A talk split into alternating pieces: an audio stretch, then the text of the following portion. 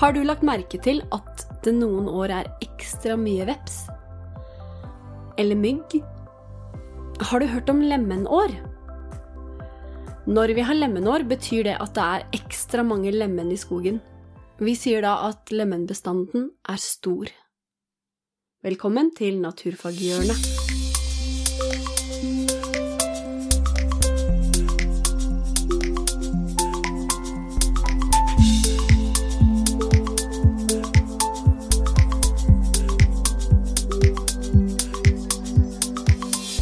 Når en bestand er ekstra stor, så kan det være mange grunner til det. Eh, det som man kanskje tenker først på, er at det har vært mye mat tilgjengelig. Lemmen lemen lever av blant annet gress og mose. En annen grunn kan være at det har vært lite rovdyr akkurat det året, slik at færre lemen blir spist. Kanskje en grunn er at det har vært mindre sykdom ute å gå, sånn at flere lemen har overlevd enn det er til vanlig. Grunnen til at det blir lemenår kan altså være flere, men det gir også noen konsekvenser. Lemenår betyr også mer mat til rovdyrene som spiser lemen, som for eksempel snømus. Altså, når lemenbestanden øker, så øker også snømusbestanden. Og vi kan veldig enkelt si at når snømusbestanden blir større, så kommer de da til å spise mange, mange lemen og sørge for at lemenbestanden går ned igjen. Og det fører igjen til at snømusbestanden også går ned igjen, og sånn svinger naturen fram og tilbake, og bestander går opp og ned i takt med hverandre.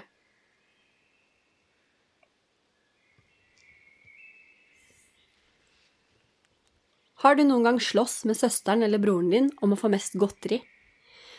Eller den siste kakebiten, kanskje? På samme måte konkurrerer også de ulike artene om maten i skogen. Det kan f.eks. for eksempel være mange arter som lever av nøtter, annet ekorn og nøttekråke, og de kommer derfor til å konkurrere om samme type mat.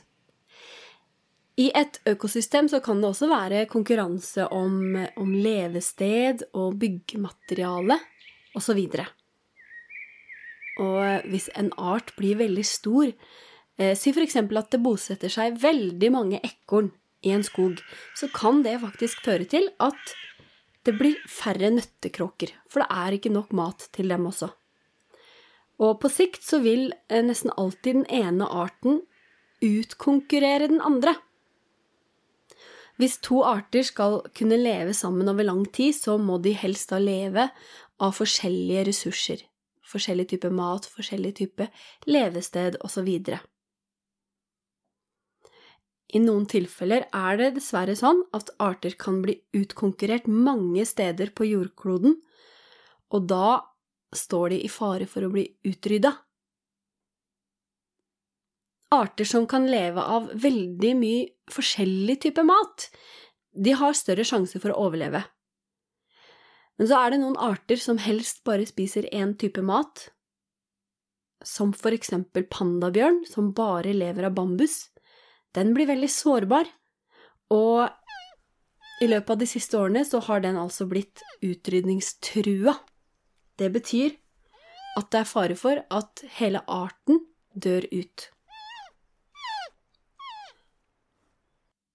Men i et økosystem så er det ikke bare konkurranse, det er også mye samarbeid. Eh, har du noen gang hørt om lav? Lav kan ligne litt på mose, men det er ikke helt det samme. Lav er egentlig to arter som jobber tett, tett sammen. Eh, en type sopp som jobber sammen med alger. Og da er det sånn at soppen sørger for vann til begge to, og algene kan eh, produsere næring til begge to gjennom fotosyntesen, og på den måten så hjelper de hverandre. Og sånt samarbeid fins det mye av i et økosystem. Det fins også noen organismer som ikke er så flinke til å samarbeide, men som bare kalles snyltere. Det er noen arter som rett og slett snylter på andre dyr. Eh, det er gjerne bitte små dyr som lever kanskje i pelsen til f.eks. for eksempel et ekorn, og suger altså blodet dens, og de kalles parasitter. Eksempler på, eh, på parasitter er lus, lopper og flått. Noen av disse artene kan også angripe mennesker. Det var alt for denne gang. Vær nysgjerrig, vær interessert i det som skjer på kloden vår.